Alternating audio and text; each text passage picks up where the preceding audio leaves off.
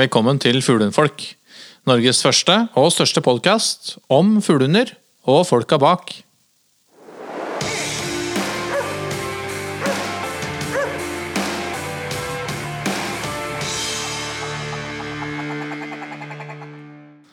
Hallo, gutta.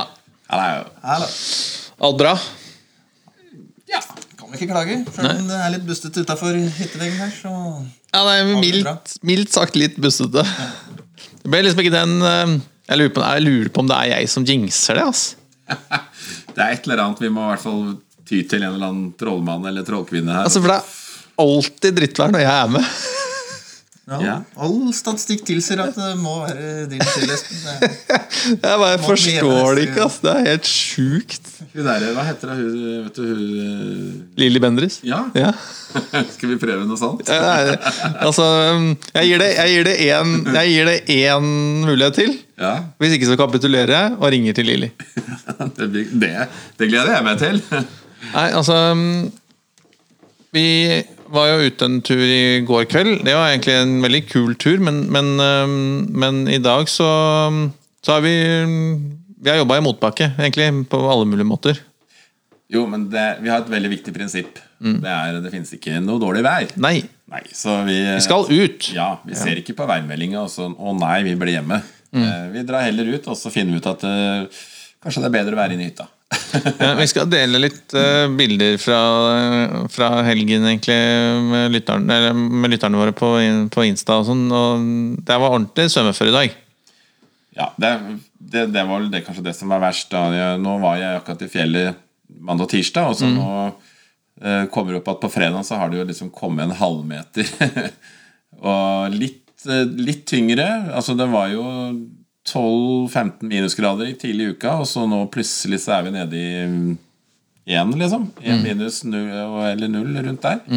Så det ble jo tyngre snø som legger seg oppå gammel, kald snø, og det er jo det er jo bratt oppe i fjellet her òg, så vi må være litt forsiktige i forhold til det Ja, det er skummelt, skummelt føre. Mm. Ja, det er, eh, det er kanskje først og fremst sikkerhet da, som er, eh, er greia. Og så er det jo Jeg kjenner det murrer litt i låra her vi sitter. Ja, men det skal det gjøre. Det er ikke noe som er bedre enn en eh, kald pils på verandaen etter eh, skikkelig basketak i fjellet. Nei, det har vært basketak. Men jeg ser en hundene fikk kjørt seg litt òg. Det har vært tungt for de òg. Ja, det, var svømme, svømmeføre. Ja, så det ble, det ble en treningstur, men det blir ikke sånn treningstur som jeg hadde håpet det skulle bli. Nei, det, var ikke, det ble ikke rypetrening, det ble bare fysisk trening for oss alle sammen. Ja. Det er jo fin Det må til, trening. det også. Ja, det må til, det òg. Av Magnus foran, da. Han Ja, det hjelper jo selvfølgelig litt. Han har jo maskin, så det er bra. Kjekt å ha en slik maskin foran. Mm. Løypetråkker. Løypetråkker. Gjort oss noen nye erfaringer på den turen her òg. Ja, vi har det. Ja. Ja, ja, ja. Nei, men det Det er noen noe, noe skifeller fattigere og Ja, litt sånn utstyrstest fikk vi jo kjørt oppover bakken. Ja, det vil jeg påstå. Veldig bakplatt. Jeg smører skia mine, jeg, da. Ja, ja. Jeg er vel kanskje ikke moderne nok. Nei, jeg tror ikke det. Nei. Men du, jeg skal arrestere deg på én ting, eh, Bjørn. For i en eh, foregående episode så, så gjorde du narr av meg når jeg sa at jeg hadde kjøpt eh, eh, varmesokker. Ja, ja. Hvem var det som ringte til meg to dager etterpå og spurte hva heter de varmesokkene, Espen? Nei, men det var, jeg var ute etter såle. Ja, har du kjøpt deg sånne Oslo-sokker, du? eh? Jo, men jeg var mer sånn på øh, Ja, jeg er litt sånn øh, Sokker syns jeg er ekstremt, kanskje. Men jeg, en varme såle kunne jeg faktisk ha tenkt meg å ha Begynner med en såle, vet du, Bjørn. Også, Det synes jeg er fly- vi en sånn varmedress Du, Espen, hva het de sokka du kjøpte? Ja, Hva merker jeg var ute etter? Ikke at det var sokker, men jeg regner med at de som pro altså, produserer de sokker, så har de sikkert noen såler òg. Det, var- tanken. Magnus, hva tror du på den?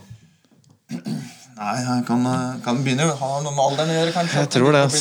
Men far min sa en gang at hvis du tråkker i salaten, gutten min, så er det lurt å stå stille. Hvis ikke så blir det salat overalt. Så det er, Da er det godt å ha varmesokker på seg.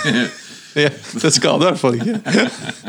Nei, men du, I dagens episode skal vi snakke med en eh, kul kar eh, som heter Geir Søgaard.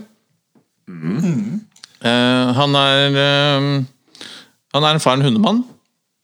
Ja, Gordon-settermann. Eh, og har erfaring både med Ikke bare med fuglene, men liksom litt sånn bred, bred hundeerfaring. Ja. Starta vel med harebikkje. Og av årsaker vi skal komme nærmere inn på, gått over til fuglehund.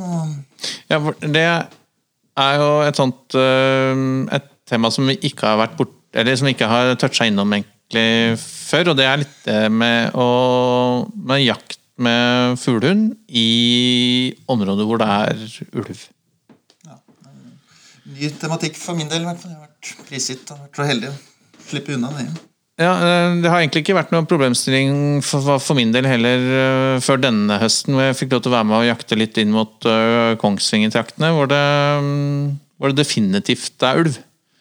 Eh, og Nei, det er en sånn problemstilling som, øh, som jeg syns er ålreit at vi tar en prat om, og så skal vi prøve å ikke ha så polariserte holdninger og ikke være så Men, men det er klart at det, for det er jo tematikk som potensielt kan, kan Altså i hvert, fall, i hvert fall Denne ulvediskusjonen er jo ganske polarisert, syns jeg. i hvert fall. Så jeg, Vi skal prøve ikke å være så bombastiske i det, men det er gøy å høre litt øh, Og jeg vet at Geir har litt erfaring med det. Ja, litt om hva, han, eh, hva løsningen hans for det, da. Ja, Så det, nei, men det er spennende. ja Men skal vi rett og slett Skal vi bare kjøre jingle og ringe Geir, da? eller? Ring mannen! Ja.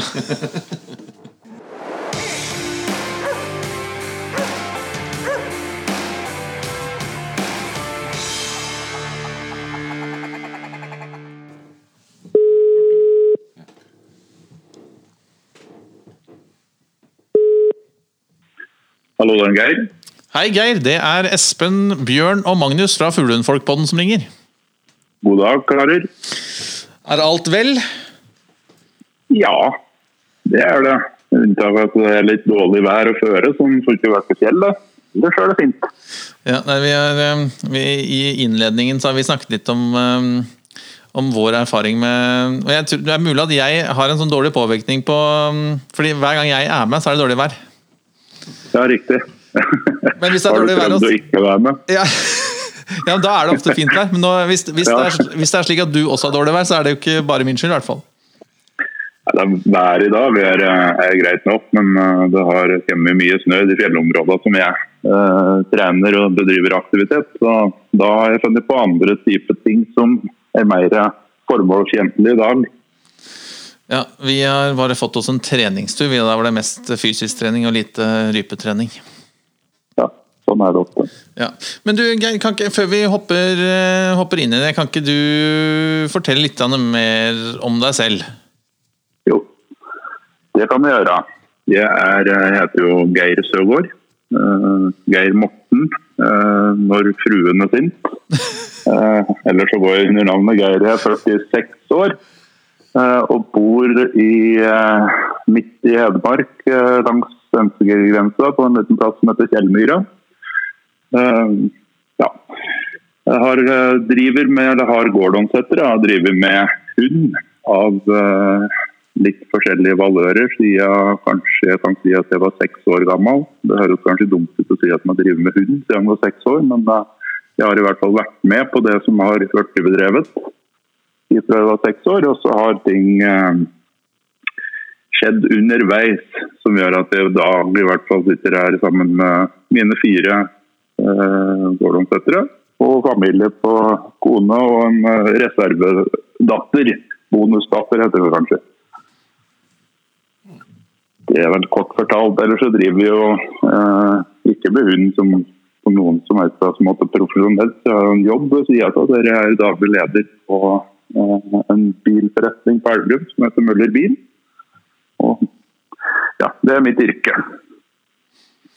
Eh, Men du, du sa du begynte med hund eh, allerede fra barnsben av. Da, da skjønte jeg eh, når vi har snakket sammen tidligere at eh, det, det var, da gikk det mye harehund.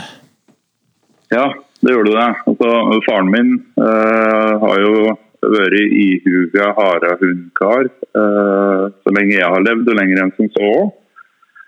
Og har hatt eh, forskjellige raser, men primært så har det jo vært finstøver som har vært, vært det som har ligget hjertet nærmest. eh, med få innslag av dunker og, og hamiltonstøver. Eh, Og I en alder til da jeg var rundt seks år, så, så heter historien at jeg, at jeg grein meg til å få være med på revejakt, faktisk. eh, den dagen. Og etter det så har jeg liksom hengt ræva på, på faren min eh, eh, i alle år, helt til jeg brøt ut i 2009 og kjøpte meg fuglehund. Men det, det her med harehund, det har jo vært på en måte det som har eh, vært altoverskyggende da det gjelder jakt for min del. og jeg har fått litt inn med, med morsmelka at alt annet er, er liksom litt tullejakt. Fuglehund og fuglejakt det, er, eh, det har uh, vært gått under benevnelsen fiffen. Som har kommet på jakt slik 11-12 tida om dagen og, og tusler hjem at ved 3-4 tida hatt med seg hunder som du skrangler på i skogen. Det, det er liksom den uh, betegnelsen jeg har uh, vært vokst opp med da, når det gjelder fuglehund. Og så har jeg funnet ut etter hvert, heldigvis, at uh, det er ikke alt som stemmer rundt det. Nei. Nei, Så det er noen, noen artige historier å ta med seg videre, selvfølgelig. Og så, ja, men, men jeg må jo si det at det har vært en kjempefin barndom med hardhunder. Og den jakta har gitt meg utrolig mye. Jeg syns det fortsatt er spennende å høre en god los i skogen. Eh, Men samtidig så kan jeg jo si nå at jeg, jeg angrer nok litt på at jeg ikke oppdaga det her med fuglehund i en litt tidligere alder. ja, for du så Ja, lyset i 2009, var det ikke sånn? Jo, du kan gjerne kalle det det. Det var i hvert fall da jeg eh, grunnet forskjellige årsaker eh, valgte å, å konvertere til, eh, til fuglehund. Eh, Og da falt valget på Gordonsæter, ikke sant? Ja, helt tilfeldig. Eh, vi eh, Det kan si litt historien bak hvorfor. Fordi gjennom eh, flere år så hadde det begynt å bygge seg opp en bestand av ulv i området her som, som vi jakter på, som da var Skinnskogen. Eh, og ja, årstall ca. 2000 pluss, så fikk vi jo drept vår første sinnstøvertiste av ulv. Eh, Vi hadde jo ofte fem, seks, sju stykker samtidig. Og drev på et aktivt nivå både med jakt og, og konkurranser. Eh, Og så fikk vi angrep rett etterpå på en, eh, på en valp eller en unghund.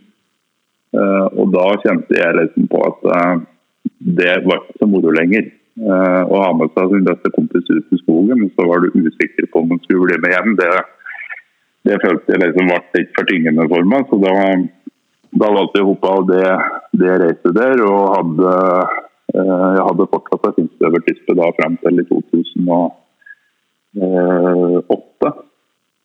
En slik halvgod sak. Eh, og så, når hun ble borte, så fant vi ut at vi, vi skulle prøves uten hund. Eh, og det klarte jeg i to måneder. Eh, Da fikk jeg beskjed av min bedre halvdel at eh, Eh, Det var, det var ikke noe særlig ålreit å ha meg i hus uten hund. Eh, Det skjønner jeg.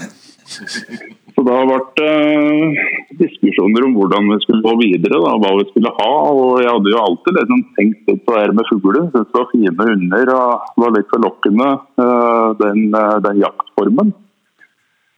Og da jeg nevnte det til kona, så sa hun at hvis vi skal ha noen fuglehund, så må det bli en, en svart en. Og da ante jeg faktisk ikke hva de het engang. Jeg visste ikke rasenavnet eller noe slikt, men jeg skjønte hva hun mente. Jeg kjente én kar i bygda som er for så vidt en, god kompis i dag òg. Og, og er jaktprøvedommer og sitter i avlsrådet i Norsk Ålandsutklubben per i dag. som heter Kjell Roger Matberg. Han visste jeg hadde en slik svart en. Så da ringte jeg han og spurte om han visste noe om noen valper, og så gjorde han det. Og så historien da kort, så endte vi opp med å kjøpe vår første gårdlandsetter i 2009. Kult. Og så har jeg skjønt at uh, du ble litt bitt av basillen. Ja, det gjorde jeg jo. Uh, Jeg kjøpte jo den gårdlandsetteren for å utforske litt det, det der domenet med, med fuglehund og fuglejakt. Uh, Og var egentlig kanskje etter ganske mange år som vi hadde drevet mye med konkurranser og, og fått til mye gode uh, harehunder. Så tenkte jeg at nå skal vi liksom bare lene oss litt bakover og kjøpe oss en jakthund, og så skal vi bruke det på jakt. Eh, Så så ble resultatet av den første kjøttet den, den hadde en medfødt defekt. så hun, hun, rakk aldri å bli et år før vi måtte, måtte gå til den tunge avgjørelsen og avlive. Uh, og da, uh, da, brukte jeg vesentlig mye mer tid da, enn å bare uh, sikte etter en svart en, som, som, jeg starter med. Så Da, da starter liksom reisa på det her med å, å gå ifra én rase som da var finstøver, en helt annen jaktart, til å sikte meg inn mot da gruppe sju. Og fortsatt bestemte at det skulle være en gårdomsetter, for vi likte den typen. Eh, og så brukte jeg en god del måneder på å sette meg inn i rasen. Rasestandard, raseopprinnelse, stamtavler, oppdrettere og klubb. Eh, og nettopp for å bli kjent med de personene som kunne geleide meg da på eh, forhåpentligvis riktig retning da det gjaldt neste valg og valg. Så da skjedde jo det relativt fort etterpå at vi, vi havna uh, nede i Danmark hos Erik Petersen og Kennel Aaen. Uh, der vi uh, kjøpte to fra samme kull. Eh, da tenkte jeg at kjøper den to, så er det dobbelt så stor sjanse for å lykkes. da. Det ble i hvert fall dobbelt så stor innsats for å prøve å lykkes. Ja. Det kan jeg love. Så, så oppfordringen til, til, andre det er å starte med én valg da, hvis en er nybegynner. Så er det greit å begynne med én. For to er, det er ganske mye jobb. Det, det er ganske mye jobb med én, så jeg skjønner at Ja da, det, det, var krevende det, for så vidt. Så, men det, det, som var uh, rart, det var to kullsøsken, to søstre. Og, og, den ene den, eh, den, var jo enormt sterk uh, søksmessig uh, allerede fra like, veldig tidlig alder. Så hun ble jo mye, oppmerksomhet, mens, mens søstera var litt mer puslete og litt mer forsiktig. Og så viste det seg jo ganske fort da, som nybegynner at eh, det optimale for meg som nybegynner var ute det der, eh, den der høyfjellsraseren som, som, tok for seg både 300, 400, 500 og 600 meter i søk, og stykket rype. Eh, og etter det rasa etter, og det gikk liksom ti minutter kvarter før jeg så henne igjen. da. Det var ikke det optimale å starte med. Eh, og hun var relativt sein i forhold til søstera si med, med, å ta stam. Så, så, Resultatet ble jo at eh, når vi begynte å ha med begge to ut på jakt eller trening, da, så hun som var mest puslete, som heter Selma, hun, eh, hun begynte jo å ta stand. Og Da hadde hun plutselig fått meg en jakthund. I motsetning til den andre, som, som foreløpig da bare hadde vist fram løpsegenskapene sine. Så Da ble det liksom å, å skifte litt eh, prioritet på de to. Eh, så Selma, hun, eh, da sånn skal sies da, hun første, da, hun samme, hun, eh, hun, ble, hun fikk jeg aldri til. Kan kanskje en jeg hadde klart i dag, men, men, i hvert fall ikke med, med, så lite erfaring som jeg hadde da. Men Selma hun, hun var jo en veldig trivelig førstegangshund. Som, som startet forsiktig med slik søksmessig 80-100 meter. Jeg hadde god kontakt med hele tida. Uansett hva hun foretok seg, så kunne jeg på en måte nå inn til Da. Og så var hun ganske mild i, i uh, tilnærmingen til dressur, så det fikk vi en fin start. Og endte jo for så vidt da opp med uh, å ha en god hund som vi skulle jakte på skogen med. Uh, og så tok det ene det andre, så var det noen andre som var med meg og så denne bikkja. Så såpass, såpass stødig, så du burde jo dra på en prøve med. Ja. Eh, så jeg endte jo da opp uh, å velge en prøve som var uh, ikke veldig nærme. Jeg dro til Grotli på min første prøvestart uh, på vinter i 1,5 meter med snø. Og fikk jo tidenes wake-up call, for å kalle det. Jeg møtte jo de som jeg i dag kjenner som liksom store fuglehundnavn, som Elin Midthusen, Geir Haugen og Per Arne Kjelstad og de som jeg skulle gå i sammensett med, og var til grisebanke på fugl. Eh, så vi skjønte jo fort at vi hadde fått oss en jakthund, men det var ikke helt der som, eh, på det nivået som trengtes for å, for å være med å konkurrere og, og premiere. Så, så, det var en, eh, en, grei opplevelse å få med seg på veien.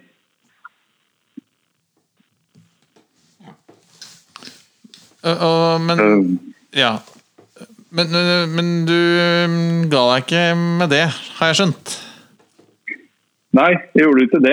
Jeg ble jo veldig godt imøtekommet, eller tatt imot, av det her, jaktprøvemiljøet. det sies. Uh, sier så mye rart om det jaktprøvemiljøet, men jeg opplevde jeg hadde jo en vanvittig fin opplevelse der hele prøvepartiet den dagen liksom backer meg opp og, og lærte masse. Uh, og under jegermiddagen så ble det liksom tatt fram som en sportslig karakter, hvis vi kunne kalle det det. For jeg gikk jo rundt og meldte stand på andre, andre sine hunder. Da jeg ikke kunne melde stand på min egen, så, så gjorde jo det, da. Og Det jeg syns mange var fint. Og så, og så ble det en god opplevelse på hele prøva for min del. Så jeg, jeg dro hjem med en god, god magefølelse. Da. Og eh, ikke nødvendigvis egne prestasjoner og hundens prestasjoner, men var, jeg var ganske sikker på at det var noe jeg skulle fortsette med. Så, så da jeg kom hjem da, så, så ble det liksom å sette seg ned med terminlista, begynne å se litt på andre prøver. Og så um, måtte jeg la det synke litt innover meg at vi kanskje ikke var helt der vi skulle være for å, for å starte. Så, så det var første ukeoppstarten til Selma, og for så vidt den siste. Eh, for da brukte vi mye tid på å få orden på sysaken og la modnes litt søksmessig. Um, komplettere det her med dressur og, og, apport. Og så starter vi neste jaktprøve oppe i Hjørdalen i AK, og fikk vår første premie da på den starten der. Kult. Det, det, blir Det tar meg litt over i en litt artig historie som vi kanskje ikke syns var så artig da. Men jeg hadde jo da en oppdretter Eh, som, som, i dag er min forgjenger til Kennel Aams. Eh, Erik Petersen. Så da jeg hadde vært i fjellet og fått min eh, tredje AK, da, så var jeg superfornøyd. Superstolt. Og vi var langt inne i fjellet, så jeg småsprang liksom tilbake uten telefondekning. For å komme meg til bilen og få kjørt ned i bygda så jeg fikk telefondekning. Nettopp for å ringe han og si at nå har det som skjedde. Eh, så ringer jeg en Erik, og så eh, Han prater dans, selvfølgelig. Jeg var litt ikke ubekvem med det, så jeg fant en rolig plass som vi kunne liksom prate uforstyrret. Og så dro vi liksom fram den her altså. Og så endte det med at Selma fikk den første premien, tredje AK. Uh, og det som jeg da liksom skulle håpe at det var en liten jubel i andre enden, det var det ikke. Han svarer da opp med 'Hva gikk galt?' Eh, og det, det, har jeg hatt med meg videre. da. Jeg, jeg har sagt det til Erik, så han er godt kjent med liksom den historien. og Det var ikke det helt optimale for en, for en fersk uh, valpekjøper. Så ja, da, du, du, sank jo litt ned på bakken, og så, så skjønte vi godt hva han mente. For etter det som har ført fram kanskje uh, 100 VK-premier og 25 championer og, og gud hjelpe meg, så blir det så er ikke en tredje AFA noen stor prestasjon. Men, men, for meg så var det en stor prestasjon. Og, og det jeg prøver liksom å ha med meg videre, at uh, valpekjøperne mine opplever aldri det at jeg ser nedverdigende på en tredjepremie. For det er enkelte dager en kjempegod premie. Så det var, det var den historien, for så vidt. Ja, akkurat det, det er litt morsomt der, for vi har, hatt, eh, vi har, litt, uh, vi har snakket litt om dette med, med, med premier og liksom når man skal være fornøyd. og Jeg tror vi har konkludert med at uh, premie er premie, og det bør man være fornøyd med. Ja, det er, det er ingen tvil om det. Altså, altså, selvfølgelig, etter, etter, hvert som tida går og du oppnår øh, andre prestasjoner og, og du får større type premier så, så vil jo en tredjepremie noen ganger bli en skuffelse. Men det representerer alltid det som har foregått i fjellet den dagen. Det, det er i hvert fall sånn. Så, ja, jeg har til dags dato aldri gått ned fra fjellet og følt at jeg har fått en uh, ufortjent premiegrad.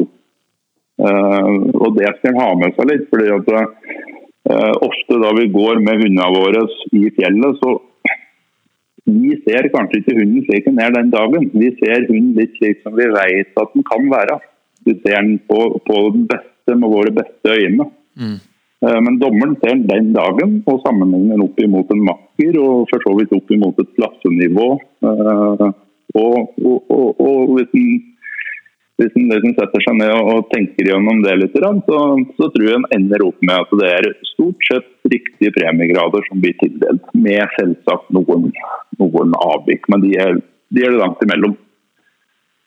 Så, så, jeg er veldig godt fornøyd med øh, nå, nå, kan jeg ikke si at jeg er misfornøyd eller fornøyd med noen ting, men jeg er godt fornøyd med det som dommerstand i Norge foretar seg på jaktprøver, ut ifra de premissene de er gitt og, og satt til å bedømme.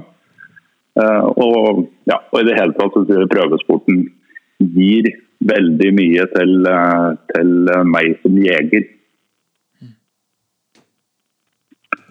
Så sånn er det.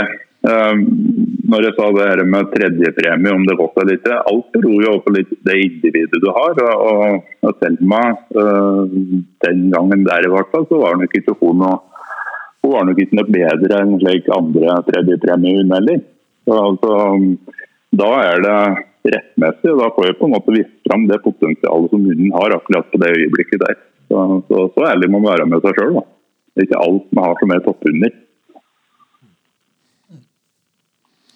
Eh, men um, dette her, um, denne opplevelsen din med denne tredjeplassen, um, det ga deg vann på mølla, det muligens? Ja, det gjorde det, vet du. Jeg er jo, selv om jeg kanskje ikke vil innrømme det, så er jeg jo konkurransemenneske. Eh, jeg liker jo det her, de her faktorene med å kjenne på sommerfugler i magen og innimellom faktisk så gæren som kan være litt småkvalm. Eh, før en skal starte opp på, faktisk. Og hele tida den nerven og den spenningen som er rundt eh, om hunden presterer eller ikke. Eh, det, der er jo jeg. Og jeg liker jo det å vise fram hundene mine på sitt beste. Og etter hvert som jeg nå driver med oppdrett i i relativt stor skala, så, så, er det jo viktig også, for det er jo der jeg får på en måte vist fram Det er jo den arenaen vi får, får vist fram individet og den genetikken som vi avler videre på. Så, så da, er, da, er, det egentlig todelt. Det ene er den konkurranse og det konkurranseinstinktet med å få vist fram og få diplomer og premier og det hele. Og det andre aspektet det er jo det selekteringa du gjør eh, med avlstanker. Eh, og ikke minst se andre hunder som du òg kan bruke i avl. Så, så, det gir i hvert fall et, eh, et, ganske godt og stort perspektiv på det her med å drive med hund. Og, og delta på prøver og se, se hva, hva, som virkelig er gode hunder. Du sa ikke så mye om det, Geir, men, men øh, du har jo blitt en, en veldig entusiastisk Gordon-settermann. Ja, det må jeg si. Uh, uh. Det, det, er nok riktig betegnelse å si entusiastisk. Uh, jeg bruker veldig mye tid på, på gårdlandsetter. Jeg er glad i jeg er glad i fuglehunder i det hele tatt. Jeg er glad i gode hunder uansett rase. Så jeg er glad i å se gode hunder og, og lære av de gode. Og så er det gårdlandsetteren som på en måte alltid kommer til å sitte, sitte godt befestet i, i etterrota. det. Uh, og uh, etter at vi kjøpte disse to i 2009, så har det jo litt på seg. Som sagt så gikk vi fra å skulle være jeger til å da bli interessert i prøvesporten. Og selv kanskje også bli en av de ihuga i, i prøvesporten.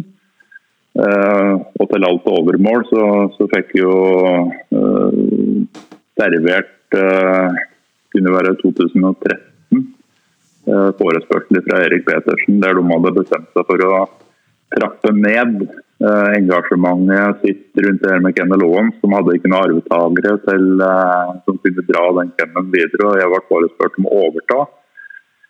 Det var litt like, sjokkartet beskjed å få. det, for Jeg hadde jo, jeg følte ikke at jeg var i nærheten til å ha noe som helst av grunnlag og erfaringsbase eller noe til å, til å overta det. for det var, det var og er for så vidt en, en kennel som har bevist veldig mye. Mm. Eh, men, eh, men, det ble jo slik òg. Det overtok den med, med store fallhøyde. Og ble forespurt om å gå inn i, i styret i Norsk Årdalsøtterklubb. Det gjorde de omtrent på samme tidspunkt, og det sitter jeg for så vidt ennå. Jeg har vært vi har vært åtte år ish, uten at jeg har telt akkurat. Jeg har i hvert fall vært leder i en fem-seks år. Og nå nå ved generalforsamling nå i, i starten på mars, så, så gir jeg meg. Nå føler jeg at jeg eh, har eh, brukt litt av den, eller mye av den energien som jeg, som jeg kan gi der. Og så uh, føler jeg at klubben fortjener uh, noen som har mer engasjement enn det jeg har akkurat nå.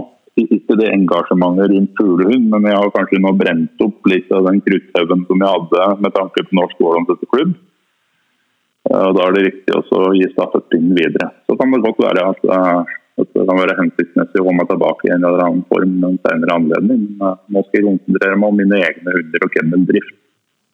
Ja. Men du er like aktiv, aktiv i, i prøvemiljøet, eller? Ja da, det er jeg. Ja. Uh, absolutt.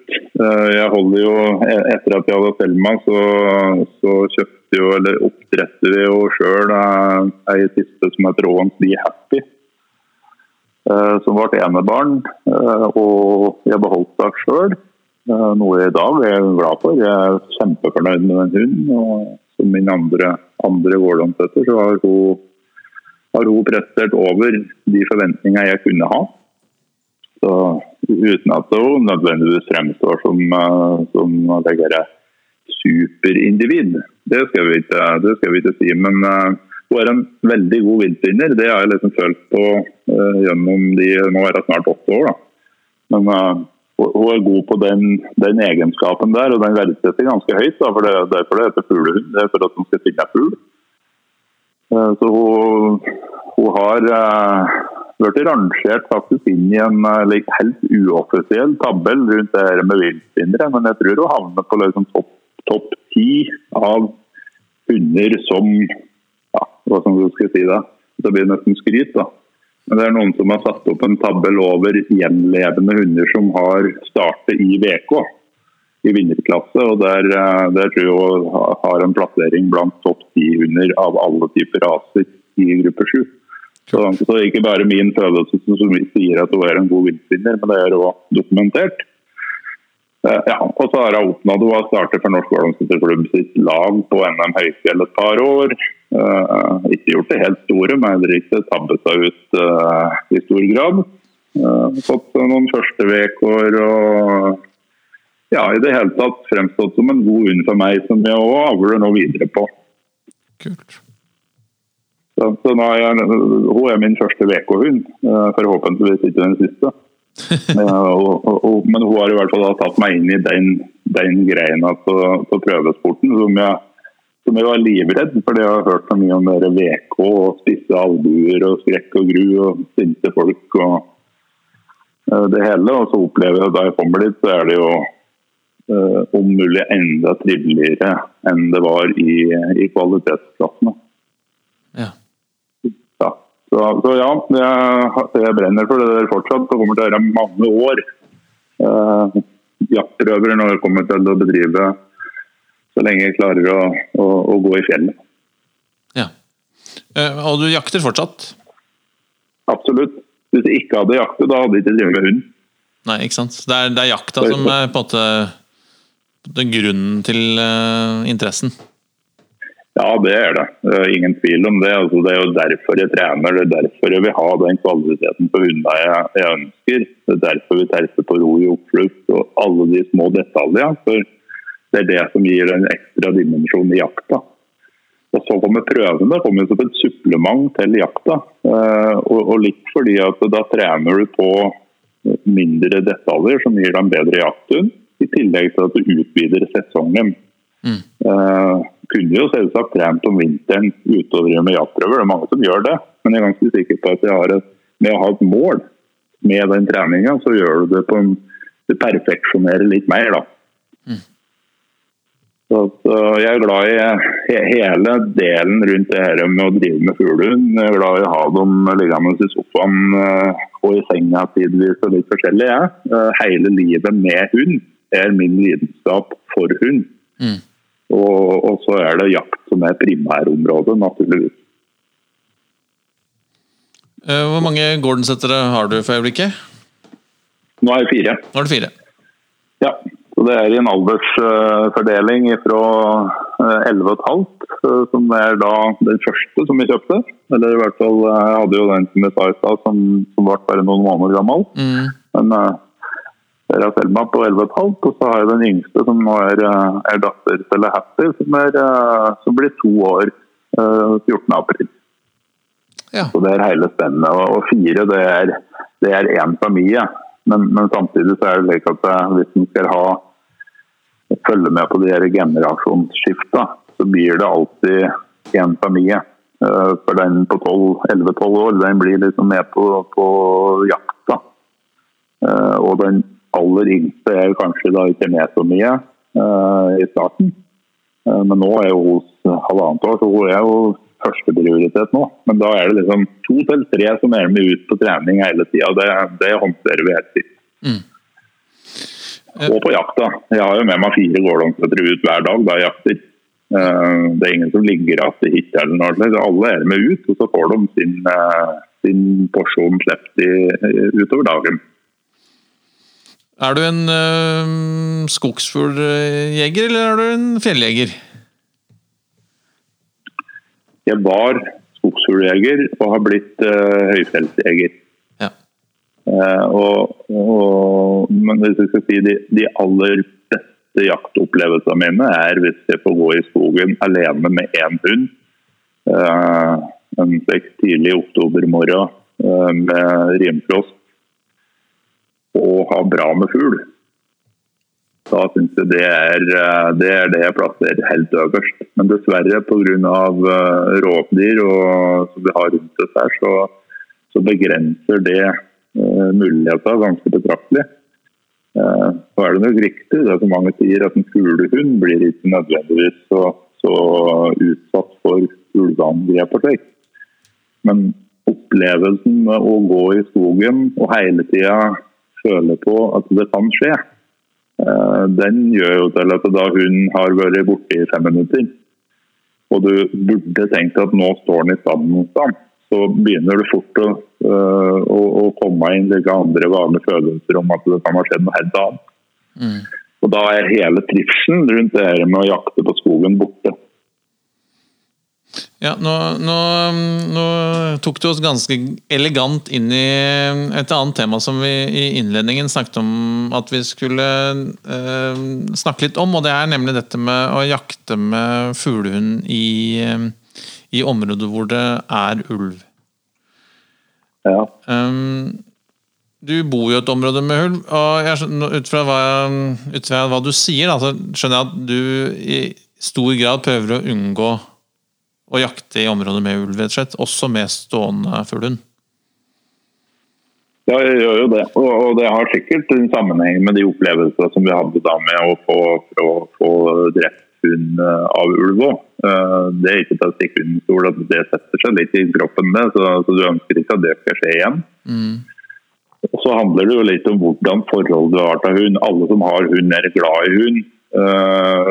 Det er å forvente at de er. Og så er det likevel nyansering på det. Jeg er nok veldig tekt sår i forhold til å miste hunder. og Det, det merkes når jeg må gå til det skrittet og, og, og ta avlive hunder. Så det, det er veldig sårt for meg. Så, så det å ta med meg min beste venn uh, ut på jakt uh, og slippe den der jeg sjøl føler at det ikke er trygt, da. Mm. Det, jeg, det, det er noe som uh, ja, det, det passer ikke meg. Og, og så har jeg likevel respekt for de som gjør det. Eh, så, så det er litt sammensatt. dette der. Eh, Allikevel så velger jeg noen, noen dager å, å reise på skogsfugljakt i, i nærområdet her. Men da drar jeg på vestsida av Glomma, som da er utafor den eh, såkalte rovdyrsona. Og så prøver jeg alltid å ta de jaktturene der i samme jakt med elgjakta. Det, det er sikkert ingen god grunn til det, men jeg føler det litt tryggere når det er liksom eh, masse aktivitet med elgjakt i terrenget. Så, så tenker jeg at det er flere som kunne ha observert i hvert fall. Og det er kanskje mer bevegelse i terrenget som sørger for at rovdyra ikke, ikke er der. da. Da, da blir det like ettermiddagsturer eller noen, eh, noen timesturer, to-tre timers turer. Så, så vi har fortsatt eh, fine jaktopplevelser i skogen. og Senest nå i høst så har vi felt, felt alle valører på skogsfugljakt. Så det er aktiv form for jakt eh, som jeg kunne ønske jeg kunne drive mer med. Men da burde jeg vært bosatt en annen plass enn det jeg er. Eh, har du, men har du noen egenopplevde erfaringer med øh, ulv i nærheten av stående fuglehund, eller er det liksom øh, erfaringen fra hardjakta som, øh, som sitter i? Jeg har ingen egenopplevde situasjoner med, med ulv når jeg er på jakt med stående fuglehund. Men jeg jo en, jeg jo, bor jo på et småbruk på Kjellmyra her som, eh, som, er, eh, som jeg har inngjerdet ca. 40 mål med viltgjerde. Eh, og om jeg tenker da Happy var eh, valp, altså i 2013-2014 da var det ulv som hadde hoppet over det vintergjerdet og kommet seg inn i inngjerdinga her. Så, så det holdt på å gå gærent, eh, men vi klarte det med, med margin. Og redde unna. det hadde vi òg fire, fire gårdomsettere her. Og det er så fint å bo slik til, for uh, du bruker det området hele tida. Så da vi sitter og prater nå, så ser jeg de springer ute på ja, litt skog og litt jorde som er, som er inngjerda og gårdsgrunnet. Så de bruker jo det så mye som eh, mye de vil, egentlig. Eh, og springer løse her. Så det er bare opp med døra, og så raser de av hullet. Og så er det en eller annen som sier ifra hvis de vil, eh, vil inn. Og det gjorde de den gangen òg. Så da var det opp med døra, men da sto det en ulv ute på gardsplassen. Så heldigvis da, så kom den dressurmomentet inn i bildet, som gjorde at vi greide å stoppe dem og få dem inn igjen med en gang. Ja. Så, så det, men, men i form til jakt så har jeg ikke hatt noe like, øh, opplevd øh, ulven for nærme, nei. Har du, Bjørn, noen erfaringer på området? Nei, jeg har holdt meg langt unna ulveområder når det gjelder jakt. mye med samme grunn som her, da. At jeg, eh, jeg har, Du får ikke den godfølelsen av, som jakt skal være hvis du skal gå og være redd for at bikkja di skal bli, bli tatt av ulv. Så det, så det er nok så jeg, Samtidig så har jeg liksom vært heldig å ha muligheten til å jakte kan du si, mest mulighet da, på, på, på riktig side av Glomma, eller skal jeg si det slik. så, Men nå, nå husker ikke jeg denne statistikken, for det føres jo statistikk over hunder som blir tatt av, uh, tatt av ulv.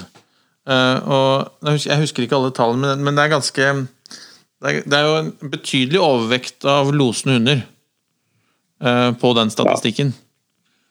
Det er det jo. Det er jo elghunder og, og drivende hunder som, eh, som er eh, majoriteten av de, naturligvis. De fungerer jo nærmest som en wobbler. Ja. ja, Så, så De varsler jo fra hvor de er til enhver tid. og Hvis de eh, føles som en inntrenger for det revirhevende paret eller ulveflokken som er der, så vil jo det være en, eh, en naturlig fiende som de skal prøve å, å fjerne.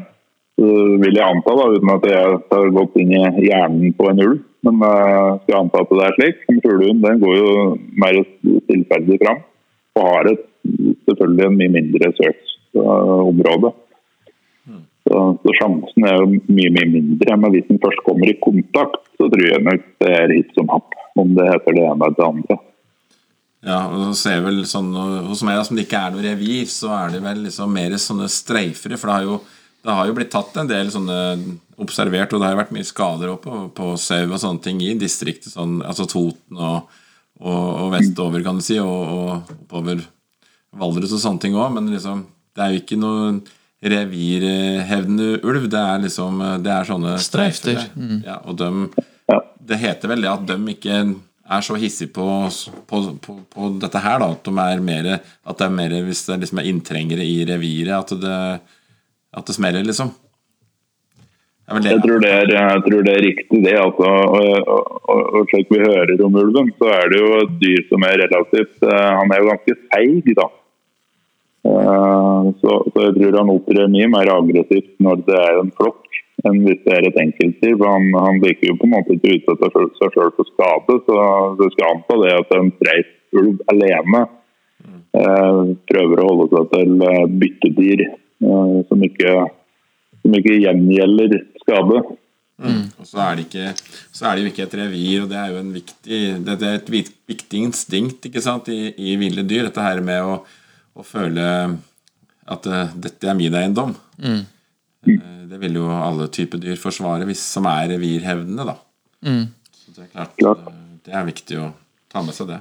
Jeg, hadde, jeg hadde egentlig min første opplevelse med den problemstillingen i høst, egentlig, hvor, vi hvor jeg fikk mulighet til å være med å jakte i et, eh, i et terreng som eh, er liksom på ja, Det blir vel på sørøstsiden av Kongsvinger. og det eh, og det er jo et sånt eh, klassisk ulveområde. Der er det også hunder som har blitt, altså elghunder som har blitt tatt av ulv i år, så da, da ble det støkkjakket. Ja. Ja, Nei, men det, det er jo slik det var litt som det ble sagt her, at gleden eh, Selv om risikoen er liten, så, så vil alltid den frykten henge der. og Da blir gleden av og opplevelsen av jakturen eh, litt eh, redusert. Ganske betydelig redusert. Da, da, da drar jeg heller til fjells. Da. Så da jeg har jo hytte oppe i Østerdalen som, som vi bruker mye i forhold til trening og slikt. Der er vi stort sett hver eneste helg da det er muligheter for å trene hund.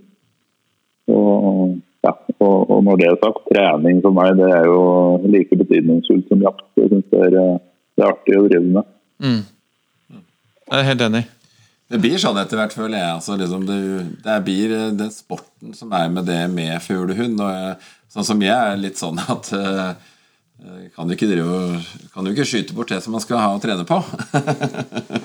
da, blir det, da blir det mindre fugl å finne da i treningsøyemed. Og det, så det jeg, jeg legger nok bort hagla etter at jeg er ferdig med den første jakta. At det er jo det etter hvert som tida går. eh, Så, om man begynner med innkjøp av ekstra frysere, liksom, da ser man jo at det er kanskje unødvendig å drive og dunke og fryse på alt som er mulig å fryse. Jeg er ikke der i det hele tatt. Vi, vi feller i gode, gode fuglesituasjoner der hundene på en måte har beherska alle, alle arenaer da, innenfor det som vi driver og trener på. Så feller vi noen fugler, og selvfølgelig på unghunder så er det er det artig å felle noen fugler, og, og ikke minst for de ordentlig gamle. Selv Om man nå på 11-12 år, så syns jeg det er kjempeartig å ta seg en eh, Da kan vi ta en sånn cowboytur ja, altså, på, på fjellet eller i skogen og, og, og være litt, eh, litt rampejakter. Det, det, jeg, det er liksom de gamle fortjener litt å få felt litt fugl og ha det litt moro uten at vi nødvendigvis skal trykke på alt som heter dressur. og det. Det er vi ferdig med den alderen der. Ja, og det synes jeg er litt, litt, kanskje litt sånn mot mennesker òg. Liksom, eh, I hvert fall dette her med starten. Når folk er ferske jegere og har virkelig fått gløden at synes at er, altså Opplevelsen av dette her er så stor, så, så liksom har jeg Syns det er mye greiere at det kan bli noen fellinger, da. Men så tenker jeg at det, eh, det er litt sånn at nå etter hvert så liksom kanskje vi skal liksom Vi er fornøyd med ikke måtte fylle sekken. Det er jo ikke det er jo ikke der vi skal, det er jo ikke i- fjell og skog vi skal hente maten vår uansett, vi som driver med fuglejakt. Så, så det å på en måte klare å tone det ned til en sport i forhold til det å på en måte mer et matauk, da, det tror jeg er kanskje viktig sånn framtidstanke, i hvert fall med, med fuglejakt. Ja. Sport og, i det hele tatt det her med opplevelsen av å være ute og samarbeide med hund, det er det jeg setter eh, helt øverst. Eh, og, og, og, og jeg sa i stad at eh, litt synd at jeg ikke opplevde det her med fuglehund og fuglejakt uh, på litt, litt yngre alder. Uh, for det er det som kanskje er den største differansen når vi går på jakt med fuglehund. Om det er lite fugl, eller om ja, I det hele tatt så, så har jeg det samarbeidet. Eh, Vi jakter som en, eh, som en ekvipasje eller et team. Eh, Og, og jeg kan glede meg over å se gode søkskvaliteter og andre ting. Kanskje vi er mislykkes med å finne en fugl òg, men likevel så har det vært mange gode opplevelser. Men harejakt uten å finne hara, det er i utgangspunktet å sitte på ræva på en stolsekk og kikke inn i et bål. Og lage seg noe mat og bli tjukk og feit. Det, det har jeg likevel klart med fuglehunder, så det, for det sagt. Eh, Du, Geir, eh, du er inne på noe som jeg har egentlig hatt lyst til å spørre deg litt om. og det, det nemlig det, den, den overgangen. Den, jeg skjønte på deg at du har liksom vært aktiv med, med type harehunder. Også gått på jaktprøver. Og, og, og nå er du på en aktiv fuglehundmann. Kunne du, liksom, kunne du sagt litt om, om forskjellene? Det, liksom det å komme fra den ene siden og gå og liksom eh, åpenbart se lyset, altså begynne med, begynne med de stående fuglene. Ja, jeg har jo sikkert vært litt innom, eh, innom forskjellene, men det er klart eh, når det gjelder harehund, så er det jo eh, jeg, jeg, trodde jo at jeg kunne veldig mye om hund når jeg kjøpte meg fuglehund. Og, og, derfor så, så, bruker jeg å si at jeg, har, jeg er en nybegynner med 40 års erfaring med hund. Mm. Fordi at når vi drev med, med de harehundene, vi hadde jo da seks, sju, åtte hunder eh, tidvis, så var det mye utehunder, for det første. Vi hadde alltid en hund inne, men du hadde ikke en sju-åtte harahunder inne. Eh, det var greie, snille hunder, rolige hunder, og, og for så vidt ganske likt det som vi har med, med mine gårdlandsettere.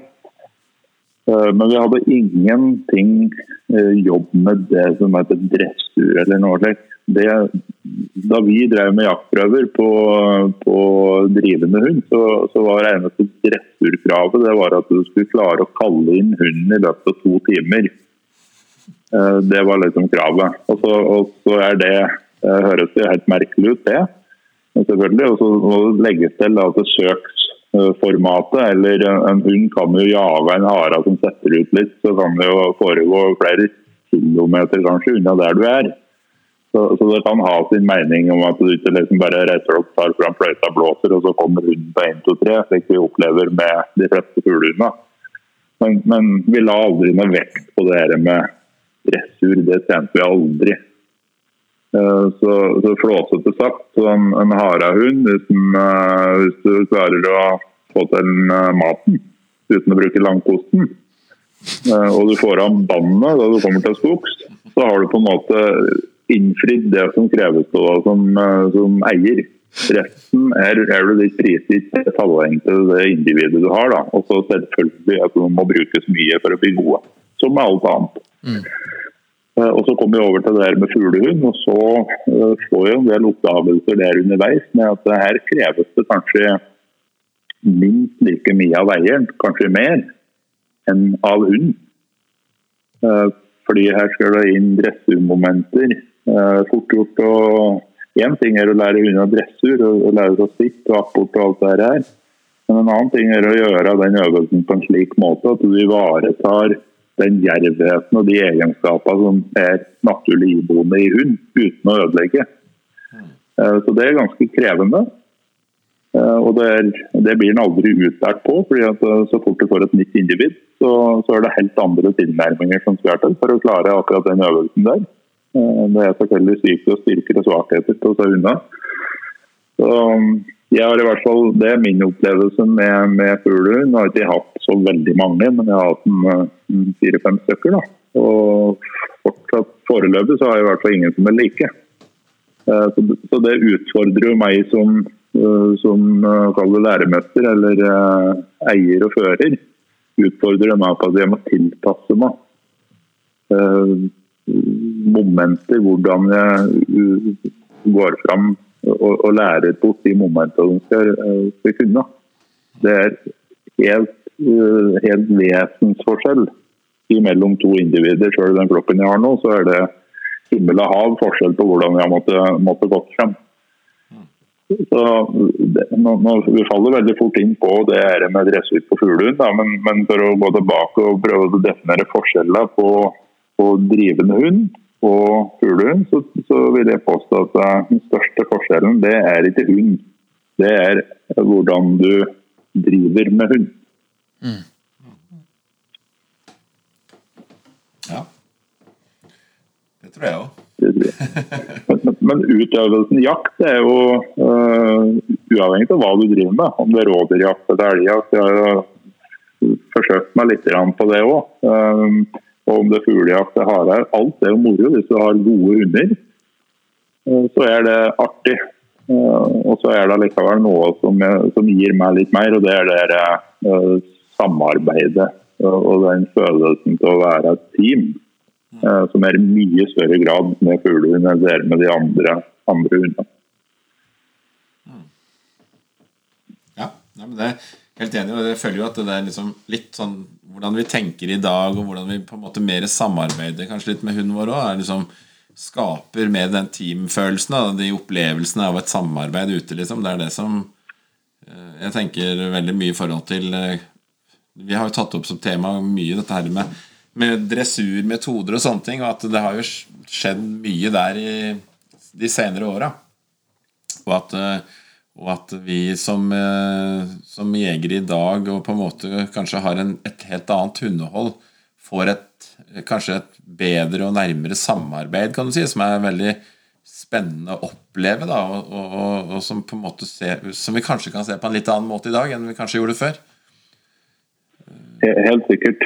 Og nå, nå, med all respekt å melde, så har jo jeg kanskje ikke vært med i den fasen der, der vi kan beskrive den gamle typen dressurmomenter.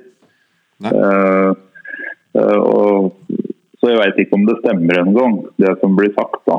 Uh, men i hvert fall min tilnærming på det her med, med dressur, den er veldig mild.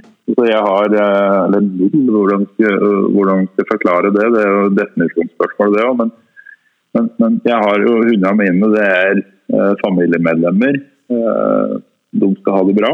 Eh, og jeg tar i hundene mine, naturligvis. Det, det håper jeg tror at alle gjør. For det, vi må skille mellom folk og hund. Eh, men jeg har nok en veldig mild tilnærming til det med innlæring av uh, dressurmomenter og øvelser hva gjelder akkurat det som skal foregå. Først og fremst lar jeg hundene mine være valper. Jeg lar dem være unghunder. Jeg lar dem jage rype. Og i det hele tatt få lov til å utforske og oppleve gleden med å være ute i fjellet og det som finnes ute i fjellet, som da forhåpentligvis er fugl. Uh, og, og, så legge, kommer jeg inn med litt mer krav etter hvert. Jeg tror sjøl at en, en fuglehund som, som har de egenskapene den har, og du slipper den i fjellet, og den får lov til liksom, å utforske og oppleve at 200 meter ute i fjellet, der finnes det fugl eller 300 meter ute i fjellet finnes det fugl. Eh, det skal en oppleve og få lov til å jage òg, for den del. Eh, og, og forfølge fugl. Eh, fordi at da man har gjort det, så har du vekt noen gener. Du har vekt noen egenskaper i hunden. Det kalles jaktlyst. Da har du fått opp den dampen. Så da jeg føler at nå er det ikke bare at en syns det er liksom artig å springe 30-40 meter etter denne fuglen, men at en bevisst begynner å forfølge fugl med tanke om å få tak i den, da avslutter jeg. Da begynner liksom den fasen med at jeg legger på dressurøvelser, og det gjør jeg hjemme. Da trener vi dressur eh, i heimen, får på plass sitten på en mye sterkere måte enn det kanskje sitten har vært befestet tidligere. Og vi tar inn dette der. Men, men når jeg kommer da ut i fjellet igjen med den hunden, Eh, som da er litt mer skolert, så vet han fortsatt at det finnes fugl ute i fjellet. Så, så, han vil på en måte begynne å avsøke. Uh, I motsetning til hvis jeg starter å dressere ned en hund som, uh, som blir veldig uh, neddressert, da, og du da først da gir den opplevelsen i fjellet med fugl, så tar det mye lengre tid. For da vil den ha et mye tettere bånd på deg. Du får et, et mer marginalt søk, så det vil ta mye mer tid før du får ut det formatet på søket som jeg ønsker å ha. Da, i hvert fall. Mm, mm. Så, så, Det er min tilnærming. Og, og Sjøl etter at vi har kommet der at jeg føler at jeg har med en relativt skolert uh, hund på dressurmomenter, så, så er det fortsatt slik at de ikke går etter fugl. Men da, da vet de betydningen av kommandoen sitt. Så Da kan jeg bruke litt mer, eh, da kan jeg jobbe litt mer ute i fjellet. Uh, hvis de forfølger fugl, så, så foretar man ikke noe annet enn når de kommer tilbake til setet, som de alltid gjør. Så får de en stikkommando der, og så ignorerer de Da overser jeg hunden min komplett i fem minutter. Da får de ikke øyekontakt. Da simulerer jeg at de ikke vet at de finnes. Eh, og Så setter jeg bånd på dem og går i ti minutter i bom, og så prøver vi på nytt. Og I det øyeblikket som, da, som de eh, lykkes, Eh, så har jeg et begrep, og det er at mine hunder får aldri se meg så glad i noen som helst slags annen sammenheng enn akkurat da. Ja. i det øyeblikket hun min lykkes i fjellet, da, da er det et sirkusnummer av en annen verden. Uh, og da kan jeg gi bort matpakka mi, og da er, liksom, da er det alle høytidsdager samlet på en og samme tid. Og det gjør jeg nettopp for å uh, differensiere. da. Lykkes du, så er, da, da, er vi så, da er vi så glad og da er vi så kompiser som det er mulig. Mislykkes du, så vil ikke jeg være på det. Da er, du, eh, da er du ingen på vei i det øyeblikket der. Da jeg ikke at du er her. Og hunder er ikke dummere at de skjønner forskjellen. Og de er heller ikke dummere at eh, de vet hva de helst ønsker. De ønsker å please meg som, som leder. Så etter hvert så ser jeg fort at de tilnærmer seg den her roen, og at de da gjør slik som de har vært enige om. Uh, ja. og, og, så har jeg respekt for at det finnes mange forskjellige varianter av det, men dette er min, som passer min magefølelse. Uh, og med dette der så kan jeg håndtere hundene mine slik som, som passer til meg. da. Veldig, veldig god den der du starta med der, syns jeg. Med den der, eh, litt der når du på en måte For det, ikke sant, vi, er vi alle så veldig ute etter, og vi leser og vi driver på for å liksom finne ut liksom, når er jeg her, og når er jeg der? ikke sant, I det vi på en måte ja, strever imot. da så jeg synes det er veldig, veldig godt illustrert det du sier der om dette her med at når jeg ser at bikkja mi liksom eh, virkelig er, er etter haletippen på fuglen og virkelig skal ta den, da vet du at da, da, er du, da, er du, kommet et skritt videre i, i arbeidet med å, å, få fart på sakene. Det er veldig, veldig artig beskrevet, det, altså. Mm. Ja, og det, og det, vil jo være slik, og Vi ønsker å ta ut uh, alle de iboende egenskapene som bor i hunden. Uh, størst mulig styrke på søk og størst mulig styrke på absolutt alt. Jeg ønsker det. Jeg ønsker ikke å skape begrensninger på det som hunden egentlig er god på. Nei, altså, man, altså det, er, det, blir så mye kunstige begrensninger i form av uh, veldig mye sånne allvitere som kanskje ikke vet så veldig mye om hva de snakker om. Jeg leste akkurat her en dag om, igjen på en, på en sosial medieside om at det, man skulle, måtte jo ikke ta med bikkja ut i fjellet før den hadde passert året og alt mulig rart. ikke sant? Og jeg tenkte, Da har jeg jo brukt uh, godt et halvt år allerede for å få bikkja mi vant til å, få dem opp i akkurat de type situasjoner som du beskriver. Ikke sant? Ja. Og, det, og, og, ett år gammel, da er jo hunden din faktisk eh, Da kan den jo faktisk være på jaktprøver òg.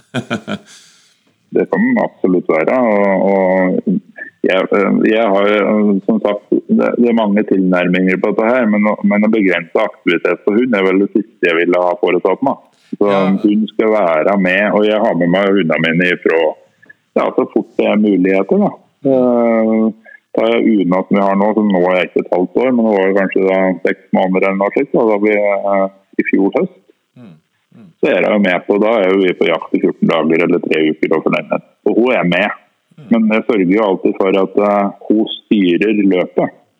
Uh, så hun er med da flokken sin på, på jakt, eller hun vet ikke fortsatt at det er jakt, men hun er med på tur i fjellet. Uh, og så må jeg være smart nok at jeg begynner ikke å slippe henne fra klokka 7-8 om morgenen. Jeg venter kanskje til klokka er 12-1. For da hun begynner å, hvis hun blir sliten klokka 10, da må jeg reise hjem. Mm. Men hvis jeg venter med å slippe til hun er 1-2, så kan man få til noe slipp eh, Og så er jeg ikke sliten da vi, da vi skal hjem, liksom. Da, da har vi fått utnyttet dagen fullt ut.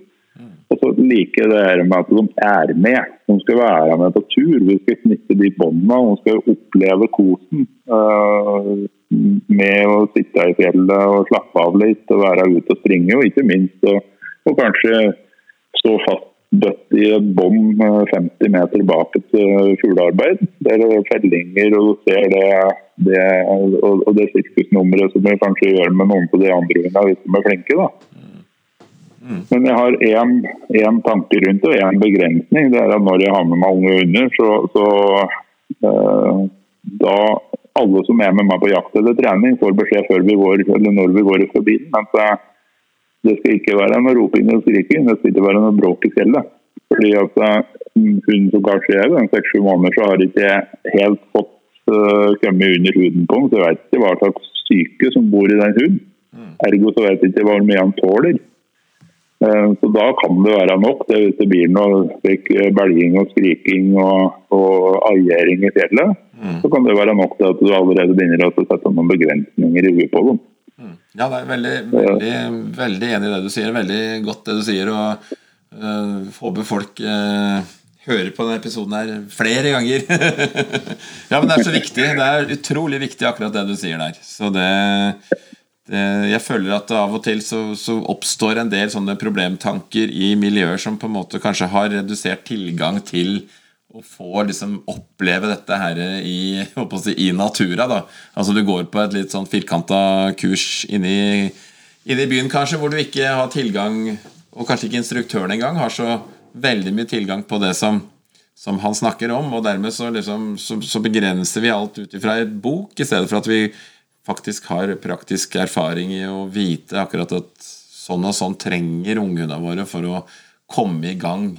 og liksom få det naturlig i dette her, i stedet for at man skal drive og, og, og, og sende opp matta duer og styr og stell. ikke sant? Så ta med deg bikkja ut, la få lov til å finne dette her i det naturlige i stedet.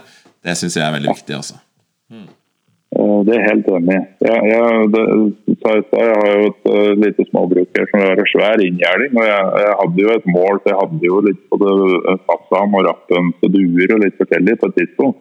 Mm. Så innser jeg jo min egen begrensning. at Jeg har ikke kunnskap nok til å kunne uh, hjelpe folk med å få bedre fuglehunder på den måten der. Uh, så det bare avslutter jeg før, mens leken var god, da, før jeg liksom rakk å ødelegge for noen.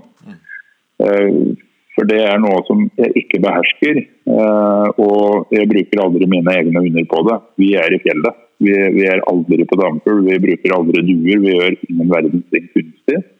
Eh, Da tar jeg meg heller litt bedre tid. Eh, Fordi at det haster ikke. Eh, Disse hundene å leve ganske mange år, så det er ikke slik at det er veldig bråttom. Nei, det er òg viktig, altså. Det er også viktig. Og så er det enormt mye hyggeligere å være i fjellet enn å være på et jorde et eller annet sted med noen Ja, det kan være en sånn, i et sånt kurs, og da kommer jo akkurat dette her fram, som du sier. Dette er litt viktig med å Altså, det skal være ro og, ro og behagelighet i forhold til det å være i fjellet, f.eks. Og, og unghunder da, som på en måte må forholde seg til kanskje åtte-ti andre ekvipasjer og rop og skrik fra både folk og fe. Det, ja, det, vi er kanskje på vei mot noe negativt med, allerede der, da, for noen individer. Ja, absolutt. Og, og folk skal tenke litt på det med prøve, jaktprøver òg. Jeg tenker i hvert fall på det. Fordi eh, jeg har jo uh, tidvis hunder som, som ikke er slik Det er feil å si at de ikke er mentalt sterke, for de er mentalt sterke, men de kan, de kan ha en veldig være uh, lett kan nesten si lettpåvirkelig. Eh, Så om du har en unghund på, på ett år som, eh, som du går i fjellet med, og, og han søksmessig går til den første uka, og han har fuglearbeidet der en, der en begrenser ettergang som, som gjør at det er, er godkjent i klassen, så, så du vet at denne hunden min er faktisk kompetent til å dra ut på jaktprøve og få den første uka. Så er det ikke dermed sagt du skal gjøre det. Fordi det du må tenke på det er at Når du kommer på den jaktprøva, så er det en ekvipasje, eller det er 14 ekvipasjer og to dommere. Mm. Begge dommere er der for å prøve å ta det beste ut i hver enkelt ekvipasje. Altså eh, om mulig klare å få til en premie på hundene. Eh, Og Så slippes du eh, sammen med en annen ekvipasje. Og så kan du simulere f.eks. hvis hunden din tar stand. Og så har du en makker som, eh, som kommer styrtende inn imot situasjonen. Eh, og den eieren kanskje vet at hunden din sekunderer ikke, noe som heller ikke er et krav i uka. Og da skal en prøve å redde den situasjonen din etter, med, med beste eh, mening. Og så springer han kanskje rett inn imot den situasjonen din og belger og skriker uh, for at hun sin stopper. Eh, har du en litt mild hund der, en hund som er veldig lettpåvirkelig, så kan det være fatalt. Ja. Det er, det er For, det, for den hun vet jo faktisk ikke om uh, Hun din forstår jo ikke at det er den andre personen kommer springende der og belger og skriker for at det skal stoppe sin hund. Nei. Han kan jo like gjerne tro at han driver med noe gærent. I verste fall så kan du bare avslutte fuglearbeidet og, komme tilbake til, til sin egen fører, altså til deg. da. Eh, ja, så så skal jeg bruke huet litt der i forhold til hva slags type hund du har sjøl. Det er viktig. Da har de modnet nå å følge opp den modningsprosessen og ikke forsere modningen på hund. Det gir ingen mening. Ja, veldig viktig. Veldig viktig. Og dette bør folk ta med seg, syns jeg. Mm. Men du gutter, vi begynner å nærme oss en uh, drøy time, så vi, vi pleier liksom å runde av litt sånn forsiktig etter når timen er gått, egentlig. Jeg innbiller meg vi kunne snakket i timevis. Vi får Helt sikkert. Ja, episode 1, 2 og 3 og så videre. Ja, ikke sant? Men, men det er veldig veldig interessant å høre historien din. Og, og det er helt åpenbart at du er en erfaren hundemann som har mye å bidra med. Og det er veldig, det er veldig hyggelig å, å, å bli kjent med deg. Eh, Så hvis vi får lov, så tenker jeg at vi eh, Altså, en, Jeg har innmari lyst til å være med og se dette sirkusnummeret ditt en gang. Ja, vær så god, det skal du få lov til. Nå må du stål, stålsette det. Og så, kan det fort hende at vi ringer deg en annen gang også. For all del, det må bare gjøre. det. Hvis du skulle ha noe mer å bidra med, så var det noe, var det noe artig å få av en prat. Det var veldig hyggelig var det. Yes, absolutt. Så takk for tiden din, og så høres vi snart. Det gjør vi da. Fint. Fint, det. Ha det. Ha Ha det godt. Hei, hei.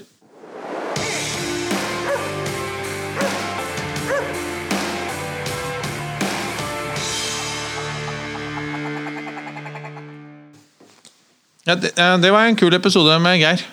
Absolutt. Absolutt, ja.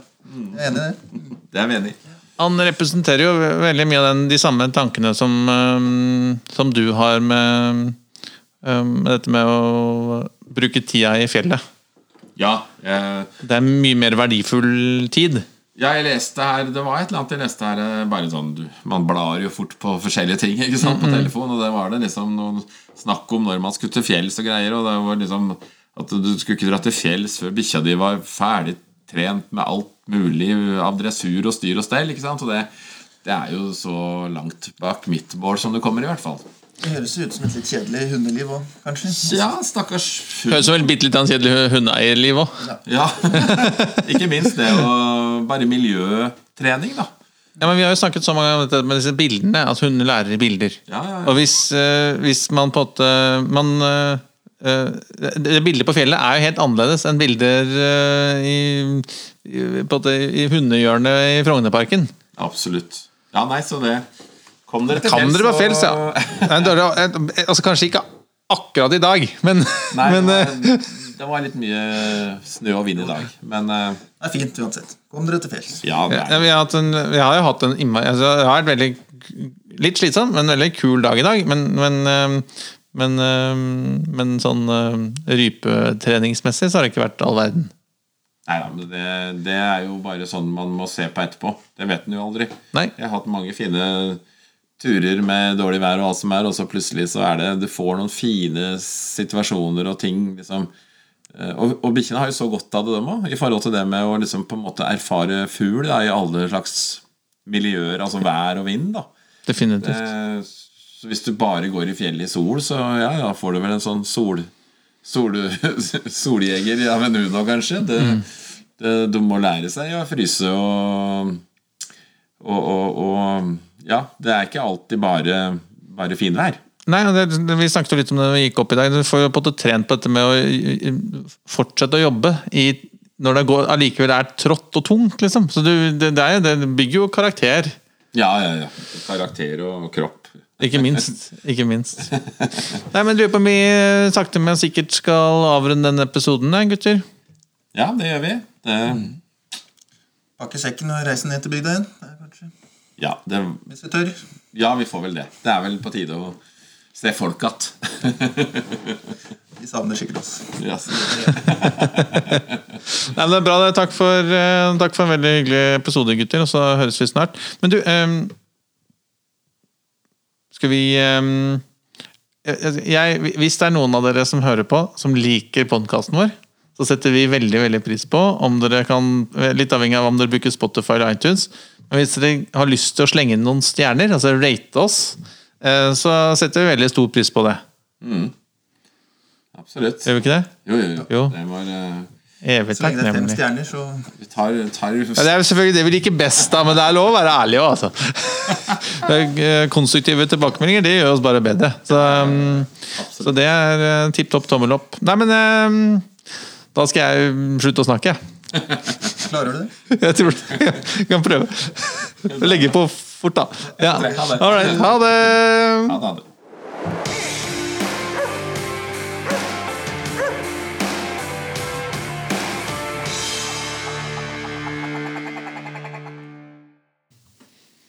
Takk for at du hørte på Fuglehundfolk. Følg oss gjerne på Facebook eller Instagram. Her kan du komme med spørsmål, eller dele tips og råd du tror at vi andre kan ha nytte av. Vi høres!